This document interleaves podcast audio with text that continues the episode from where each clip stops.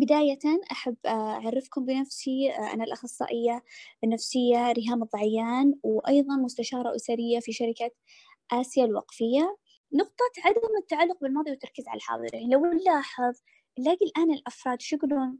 يو إحنا أول كنا أفضل. يو إحنا يمكننا ندرس مثلا آه نروح الجامعة كانت آه كنا أحسن. أول يوم كنا نشوف صديقاتنا كنا أحسن. فنقطة التعلق بالماضي تخلي الإنسان متقوقع على ذاته تخلي الإنسان يحس بمشاعر سلبية أكبر آه، تخلي الإنسان يحس أنه ما راح يطلع من هالمشاعر آه، السلبية.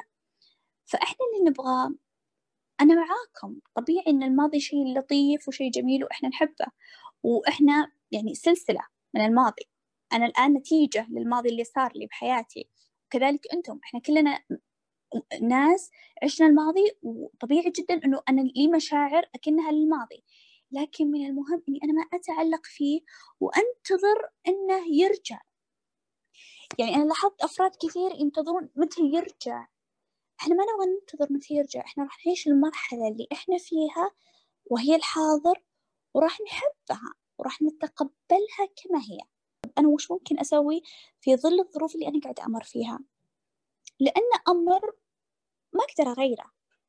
وفي مقولة دائما إحنا نقولها في علم النفس الأمر اللي أنا أقدر أغيره أغيره لكن ما أقدر أغيره أتكيف معه وأتعايش معه وأتقبله كما هو.